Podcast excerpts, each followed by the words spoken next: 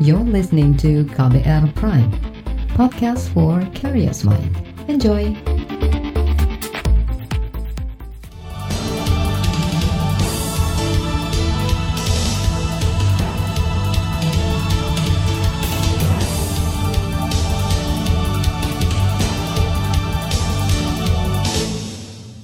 Selamat pagi saudara, KBR menjumpai Anda melalui program Buletin Pagi edisi Senin 1 Juni 2020 bersama saya, Reski Mesanto. Terbaru di Buletin Pagi. Kementerian Pendidikan dan Kebudayaan memastikan tahun ajaran baru tetap dimulai pada Juli pekan ketiga meski di tengah pandemi COVID-19. Pelaksana tugas Dirjen PAUD Pendidikan Dasar dan Menengah Kemendikbud Hamid Muhammad mengatakan, Proses pembelajaran masih akan dilaksanakan secara jarak jauh alias belajar dari rumah. Sekolah yang ada di zona hijau bisa melakukan pembelajaran normal secara tatap muka. Nah, zona hijau sekarang ini, menurut ketetapan gugus tugas, itu ada 108 kabupaten yang selama dua bulan terakhir ini belum ada kasus satupun COVID. Tetapi siapa yang menetapkan zona hijau, itu semuanya diserahkan kepada gugus tugas dan Kementerian Kesehatan. Pelaksana tugas Dirjen PAUD Pendidikan Dasar dan Menengah Kemendikbud Hamid Muhammad menambahkan, daerah yang masih ada ODP dan PDP COVID-19 kemungkinan akan menerapkan pola pembelajaran jarak jauh. Untuk daerah dengan nihil kasus akan dibuka normal. Hamid juga menegaskan Kemendikbud tidak akan memundurkan kalender pendidikan hingga Desember atau awal tahun depan, sebab ini hanya akan berdampak pada kegiatan akademik seperti jadwal kelulusan siswa SMA dan seleksi masuk perguruan tinggi negeri. Saudara, pemerintah diminta berhati-hati menerapkan pendidikan dengan tatanan kenormalan baru. Menurut Dewan Pembina Persatuan Guru Republik Indonesia atau PGRI Kudrat Nugraha, pemerintah hendaknya mengkaji penerapan kewajaran baru pendidikan di negara lain supaya sekolah tidak jadi klaster baru pemerintah harus secure betul bahwa yang akan menjalankan new normal itu paham betul. Satu. Kedua siap melaksanakan pembiasaan transformasi ke pembiasaan baru. Ketiga sarana dan prasarana itu tanggung jawab siapa? Mempersiapkan sarana prasarana. Karena misalnya new normal salah satu contoh harus pakai masker. Kalau pakai maskernya seminggu itu itu terus kan nggak mungkin kan? Nah itu siapa yang menyediakan? Dewan Pembina PGRI Kudrat Nugraha menambahkan, guru berperan penting dalam membiasakan dan beradaptasi dengan tatanan kenormalan baru. Sekolah juga harus menjalankan kebijakan secara tegas dan disiplin dalam mematuhi pedoman kesehatan pencegahan virus corona. Sementara itu, Saudara Ikatan Dokter Anak Indonesia atau IDAI menyarankan pemerintah tidak membuka sekolah hingga Desember 2020 demi mencegah gelombang kedua COVID-19. Ketua Umum IDAI Aman B. Pulungan mengatakan, saat ini kasus konfirmasi positif COVID-19 masih terus bertambah dan belum menunjukkan adanya grafik melandai. Jika sekolah dipaksakan secara tatap muka, ia khawatir ini bakal menambah jumlah kasus positif COVID-19 dengan mempertimbangkan antisipasi lonjakan kasus kedua, sebaiknya sekolah tidak dibuka, setidaknya sampai bulan Desember 2020. Pembukaan kembali sekolah-sekolah dapat dipertimbangkan jika jumlah kasus COVID-19 telah menurun. Apabila sudah memenuhi syarat epidemiologi untuk kembali membuka sekolah, maka kami menghimbau agar semua pihak dapat bekerja sama dengan Ikatan Dokter Anak cabang setempat. Ketua Umum IDAI Aman B. Pulungan menyarankan Pemerintah melakukan tes massal PCR terhadap anak secara masif, setidaknya 30 kali lipat dari jumlah kasus konfirmasi positif. Menurut data IDAI hingga pertengahan Mei kemarin, total sudah ada 584 anak di bawah 20 tahun yang positif terinfeksi, 14 di antaranya meninggal. IDAI menganjurkan kegiatan belajar mengajar tetap dilaksanakan melalui skema pembelajaran jarak jauh, baik daring maupun luring, IDAI juga berharap pemerintah mengutamakan aspek kesehatan di ranah pendidikan dalam tatanan normal baru. Saudara, Komisi Perlindungan Anak Indonesia atau KPAI bidang pendidikan Retno Listiarti mengingatkan pemerintah jangan terburu-buru menjalankan tatanan normal baru di ranah pendidikan. Aktivitas belajar mengajar di sekolah menurut Retno boleh dilakukan kalau sudah memenuhi sejumlah syarat, Misalnya kajian ahli epidemiolog serta kelengkapan infrastruktur kesehatan di sekolah. Situasi menyiapkan ini butuh pendataan, setelah pendataan baru butuh pengadaan. Nah gugus tugas COVID ngebuka tapi infrastruktur gak ada untuk kenormalan baru yang terjadi anak-anak akan berpotensi besar tertular. Kalau satu sekolah ada kasus, kan berarti satu sekolah itu masuk ODP kan, kamar nggak cukup, ini nggak cukup, itu akan terjadi. Lonjakan angka itu akan mengerikan kalau tanpa persiapan. Jadi menurut kami ya sebaiknya tidak membuka sekolah di bulan Juni Juli. Yang juga mesti disiapkan menurut Retno adalah adaptasi anak-anak untuk menjalankan protokol kesehatan. Mulai dari pakai masker, jaga jarak, sering cuci tangan, bawa bekal makanan sendiri, dan lainnya. Sementara itu, saudara pemerintah kota Solo, Jawa Tengah mengusulkan tahun ajaran baru diundur setengah tahun lagi atau dimulai pada awal tahun 2021. Wali Kota Solo Hadi Rudiatmo mengatakan kalau tahun ajaran baru dimulai pada awal 2021, maka akan mempermudah penganggaran. Pelaksanaan KBM ini bisa dilaksanakan seperti tahun dulu, dimulai tahun ajaran bulan Januari, terakhir berakhir Desember. Sehingga tahun ajaran dan tahun anggaran itu sama. Teman-teman di Dinas Pendidikan apa tidak kebingungan untuk urus pengelolaan keuangannya baik bos maupun BPMKS maupun yang lain. Nah sehingga sekalian usul saya untuk pada Bapak Presiden dengan penerapan KBM new normal sekalian penerapan tahun ajaran dengan tahun anggaran itu new normal KBM. Sementara itu di Jawa Timur, Gubernur Kofifa Indar Parawansa memutuskan memperpanjang masa kegiatan belajar mengajar para siswa secara daring di tengah pandemi COVID-19. Proses belajar siswa SMA dan SMK akan dimulai pada 2 Juni besok. Siswa tetap belajar di rumah secara daring sampai ada pengumuman lebih lanjut. Kita beralih ke kabar dari mancanegara. Saudara, aksi kerusuhan bernuansa SARA sedang melanda Amerika Serikat dipicu terbunuhnya George Floyd, seorang warga kulit hitam oleh empat personel kepolisian Minneapolis. Informasi selengkapnya kita simak laporan langsung jurnalis VOA Eva Mazrieva langsung dari Washington. Pendengar aksi demonstrasi, pencerahan, dan kerusuhan mengoyak kota-kota di Amerika untuk lima malam berturut-turut memprotes aksi kekerasan polisi terhadap warga kulit hitam George Floyd Senin lalu yang menyebabkan kematiannya. Sejumlah mobil dan toko dibakar dan dirusak massa, termasuk mobil dan kantor polisi. Sementara banyak tembok gedung atau rumah disemprot cat bertuliskan I can breathe atau saya tidak dapat bernafas. Kalimat terakhir yang disampaikan George Floyd ketika lehernya ditindih lutut polisi. Polisi mengatakan telah menangkap hampir 1.700 orang dalam kerusuhan di 22 kota. Hampir sepertiga dari jumlah orang yang ditangkap itu terjadi di Los Angeles setelah gubernur menyatakan kondisi darurat dan memerintahkan pasukan Garda Nasional membantu sekitar 10.000 polisi meredakan situasi. Puluhan kebakaran dilaporkan terjadi di Los Angeles.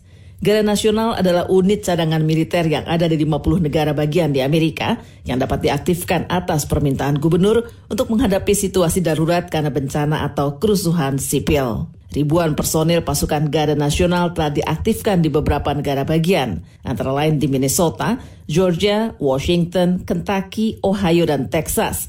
Sementara puluhan kota memberlakukan jam malam. Mantan polisi Minneapolis Derek Chauvin yang didakwa terkait kematian George Floyd empat hari setelah insiden 25 Mei itu akhirnya dijerat dengan pasal pembunuhan tingkat 3 dan pembunuhan tidak berencana tingkat 2. Saya Mas Reva melaporkan dari Washington DC untuk KBR.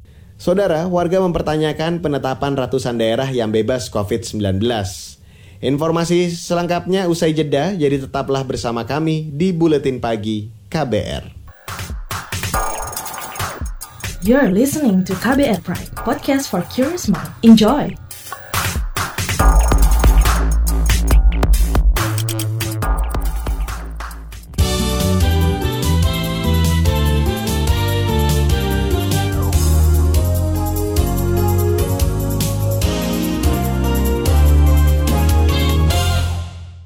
Koalisi warga lapor COVID-19 mempertanyakan cara pemerintah menetapkan daerah yang dinyatakan bebas virus corona.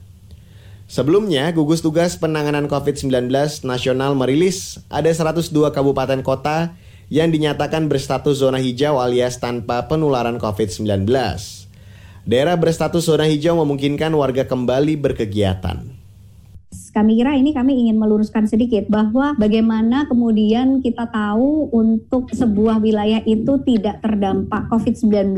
Padahal seharusnya yang kami percaya adalah kasus itu diketemukan karena kita ada kontak tracing, ada tes yang mumpuni dan ada pengendalian di layanan kesehatan untuk penanganan COVID-19.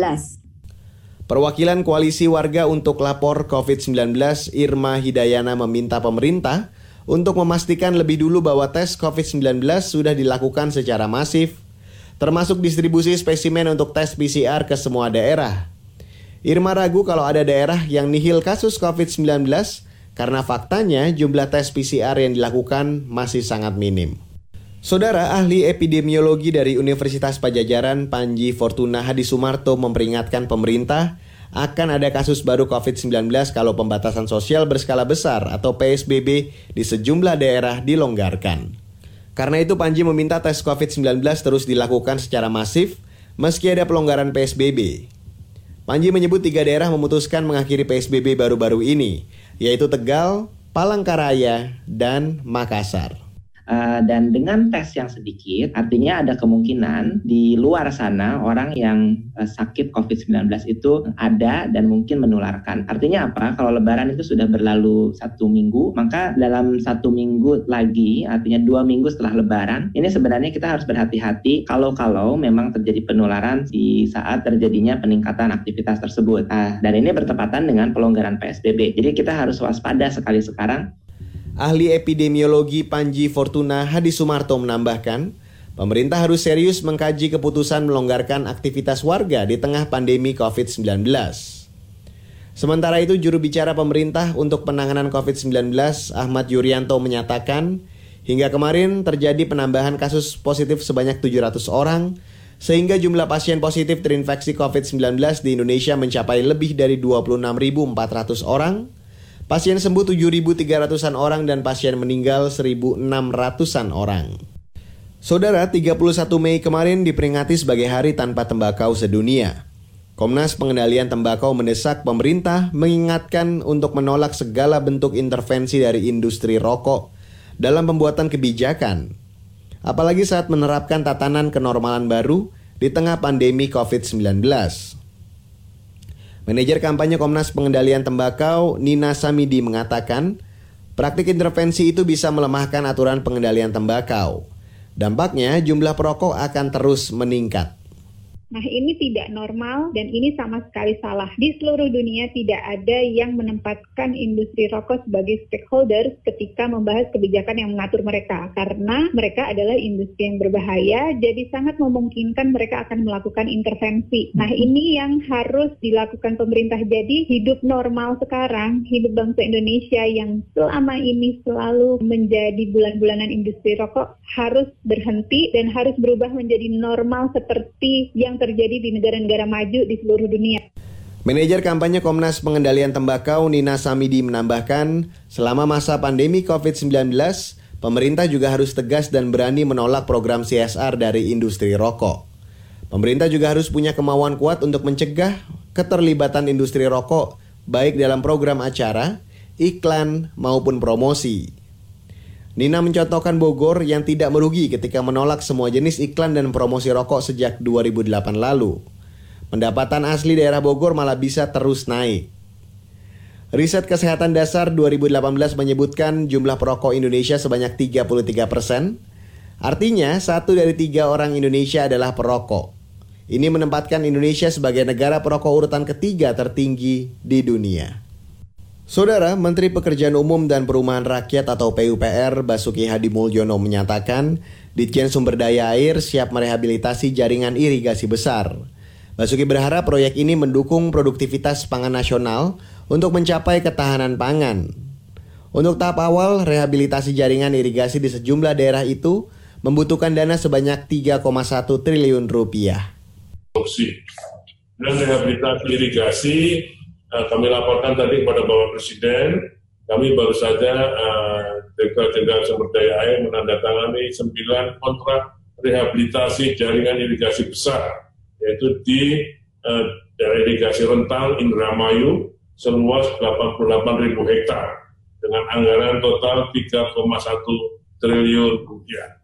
Menteri PUPR Basuki Hadi Mulyono menambahkan, pekerjaan rehabilitasi jaringan irigasi yang pertama akan dilakukan di Indramayu, Jawa Barat. Luas irigasinya 88.000 hektar. Pekerjaan proyeknya akan memprioritaskan tenaga manusia atau menyerap tenaga kerja dari penduduk di sekitar lokasi proyek irigasi. Beralih ke kabar dari dunia olahraga, Liga Jepang sedang ancang-ancang melanjutkan musim yang tertunda akibat wabah virus corona. Ketua J-League Mitsuru Murai mengatakan, kompetisi akan dimulai lagi pada 4 Juli mendatang, artinya masih ada waktu 5 pekan untuk klub-klub melakukan persiapan. Manajer klub Urawa Reds Otsuki berkomentar, pengumuman itu memberi klub kerangka waktu yang konkret sebagai dasar untuk kembali membangun kekompakan tim. Sementara itu, saudara klub Oita Trinita FC menggugah sekilas suasana latihan tertutupnya melalui YouTube. Unggahan itu sangat diminati para supporter. Liga Jepang mendapat dukungan penuh dari pemain dan klub untuk melakukan tes PCR secara bertahap terhadap semua pemain, staf, dan ofisial pertandingan. Saudara, laporan khas KBR tentang kisah perjuangan anggota Ombudsman Halau Corona akan kami hadirkan sesaat lagi. Jadi tetaplah bersama kami di Buletin Pagi KBR. You're listening to KBR Pride, podcast for curious mind. Enjoy!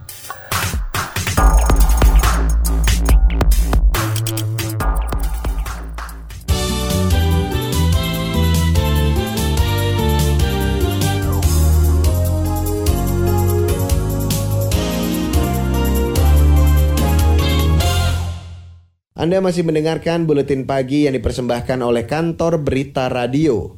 Saya Reski Mesanto. Saudara, kisah penyintas COVID-19 kali ini menghadirkan Nini Rahayu, anggota Ombudsman Republik Indonesia.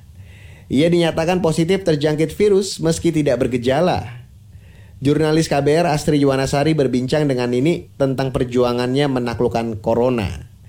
Simak cerita lengkapnya berikut ini saya masih nggak percaya gitu. Saya kok positif sih apa? Nini Rahayu mengenang kembali momen kala difonis positif COVID-19 pada 23 Maret silam. Perasaannya seketika campur aduk. Ia terpukul sekaligus sanksi dengan kebenaran hasil tes usap. Pasalnya, ia merasa dalam kondisi prima. Sempat ada penolakan lah dari diri saya sendiri gitu. Karena tadi saya sakit tanpa gejala, orang tanpa gejala OTG. Karena tidak merasa sesak nafas, ya tidak panas yang berlebihan, tidak batuk yang berlebihan. Maka saya menganggap saya sehat saja. Mulanya Ninik memilih menjalani isolasi mandiri. Selang tiga hari kemudian, ia memutuskan untuk dirawat lantaran khawatir keluarganya ikut tertular itu yang saya pikirkan keluarga saya. Kalau saya kemudian tidak segera berdamai, maka akan mempengaruhi penyikapan saya pada keluarga kan. Kan kemudian saya akan pulang karena merasa sehat gitu kan. Padahal saya kan tidak mungkin isolasi mandiri di rumah ya. Di situ ada anak-anak, ada keluarga. Perempuan kelahiran Jember, Jawa Timur ini diisolasi selama dua pekan di Rumah Sakit Bayangkara Brimob Depok. Ia berada satu kamar dengan rekannya Leli Pelitasari sesama anggota ombudsman yang dinyatakan dinyatakan positif COVID-19 dalam waktu bersamaan. Jadi ya tidak boleh egois ya, ya. Ruangannya kan juga banyak yang membutuhkan. Sempat ditawari itu kalau misalnya besok mau sekamar sendiri, kita siapin tidak sudah berdua juga nggak apa-apa. Ninik merasa beruntung karena memiliki teman berjuang bersama menaklukkan corona. Selama isolasi, mereka menjalankan beberapa rutinitas bersama, seperti olahraga dan sholat berjamaah. Jadi ada teman saling support kan, kalau misalnya kita lagi yang 14 hari, bayangkan tidak ke mana pun dalam satu ruangan, eh, itu kan senang kalau ada teman ketimbang sendiri ya. Mm-hmm. Ada teman untuk berkomunikasi kan, mm-hmm. dari jarak jauh gitu. Dan saya bersyukur selama 14 hari, kami sama-sama nyaman bersama-sama itu. Malah kita guyon aja gitu, jadi saling menguatkan,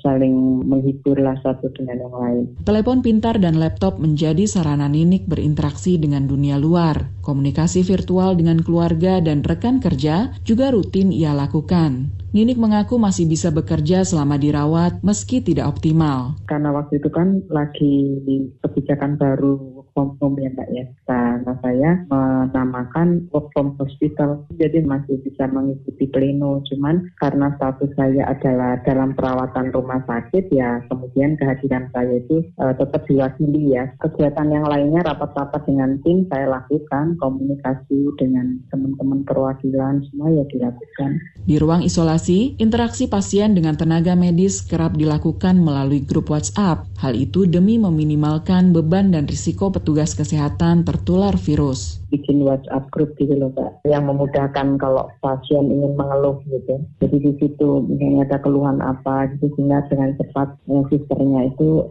membantu kita gitu. Karena kan memang mereka harus pakai APD kan Mbak, jadi kan ya kita harus sabar ya. Gitu. Nggak bisa seperti kalau kita manggil pencet datang gitu kan. Ninik tidak mengalami gejala berarti selama diisolasi. Ia akhirnya berhasil memerangi virus dan diperbolehkan pulang 8 April lalu. Ninik menuturkan, benteng imunitasnya terbangun berkat penerimaan diri dan dukungan dari banyak pihak. Empat mbak saya itu, uh, itulah ini enggak, ini itu bohong, ini agak gitu-gitu lah mbak. Tapi rupanya saya malah kurang positif buat saya gitu ya. Sudah diterima saya kok mendapat banyak informasi bahwa banyak teman ternyata yang tidak saya duga kenal maupun tidak kenal itu sampai melakukan khataman Al-Quran pondok pesantren di sana di sini itu membuat saya agak terharu begitu. Selama menjadi pasien, Ninik menyaksikan masih banyak keterbatasan dalam penanganan COVID-19.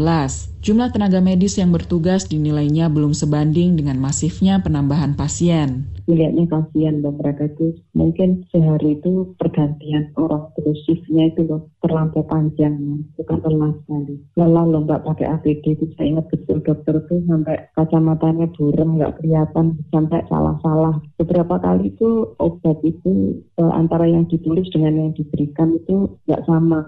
Proses tunggu hasil tes usap juga dianggap terlampau lama Ninik meminta pemerintah serius meningkatkan kemampuan penanganan COVID-19 nah yang saya dengar di Wisma Atlet kan juga begitu. Saya kemarin juga mendapatkan keluhan. Dia sampai dirawat di Wisma Atlet itu 31 hari. Bayangkan. Karena hasil swabnya nggak keluar-keluar. Makanya uh, yang seperti itu saya kira perlu perhatian ya. Karena kan ini bagian dari standar pelayanan ya. Demikian laporan khas KBR, saya Astri Yuwanasari. Saudara, informasi dari daerah akan kami sajikan sesaat lagi usai jeda. Tetaplah bersama kami di Buletin Pagi KBR. You're listening to KBR Pride, podcast for curious mind. Enjoy!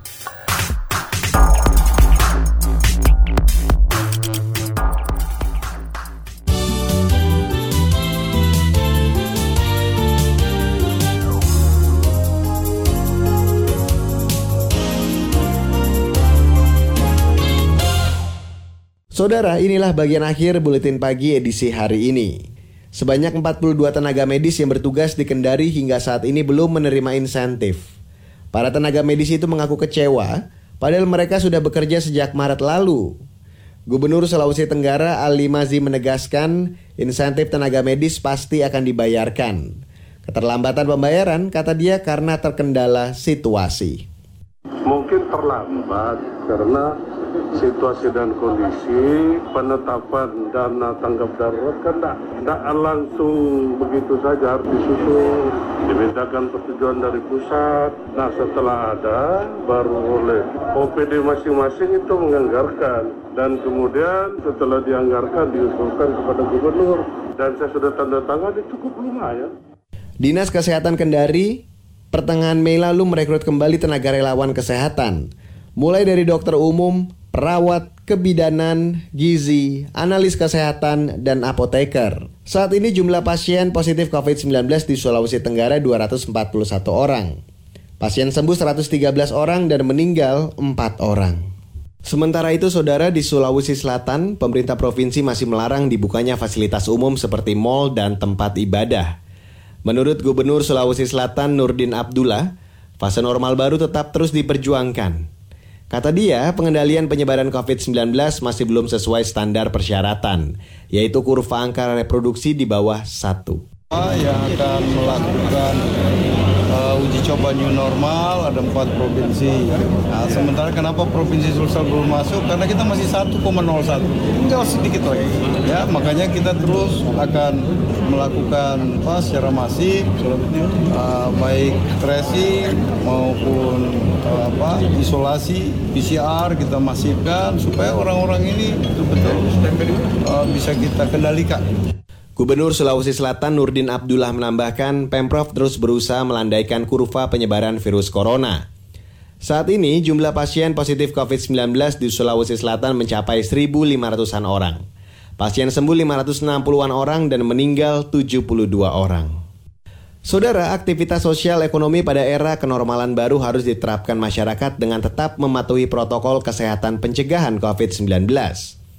Bagi masyarakat yang melanggar protokol itu, sanksinya akan diutamakan bersifat persuasif dan humanis. Tapi menurut Kapolda Kalimantan Selatan Niko Avinta, bila ada masyarakat yang sudah ditegur tapi tetap melawan protokol kesehatan, maka aturan bisa ditegakkan bagi penegak hukum, bagi TNI, bagi Pemda bisa melakukan pasal-pasal yang diatur yaitu pasal 212 KUHP bisa digunakan apabila seseorang diperintah diminta oleh petugas tidak melaksanakan dan melawan bisa. Ancamannya memang di bawah satu tahun. Tapi buat kami sudah ada landasan e, yuridis apabila masyarakat tidak mematuhi. Ingat kami selalu mengedepankan persuasi. E, penegakan hukum pidana adalah resort ultimum remedium jadi yang paling terakhir. Aturan hukum lain yang bisa diterapkan menurut Kapolda Kalimantan Selatan Niko Avinta yaitu pasal 14 Undang-Undang Wabah Penyakit Menular dengan ancaman penjara satu tahun atau denda satu juta rupiah. Saudara, informasi tadi menutup jumpa kita di Buletin Pagi KBR hari ini. Pantau juga informasi terbaru melalui kabar baru, melalui website kbr.id, Twitter kami at berita KBR, serta podcast melalui kbrprime.id. Akhirnya saya Reski Mesanto, kami undur diri. Salam.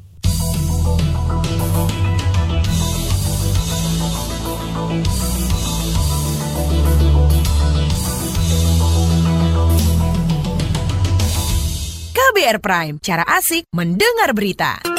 KBR Prime, podcast for curious mind.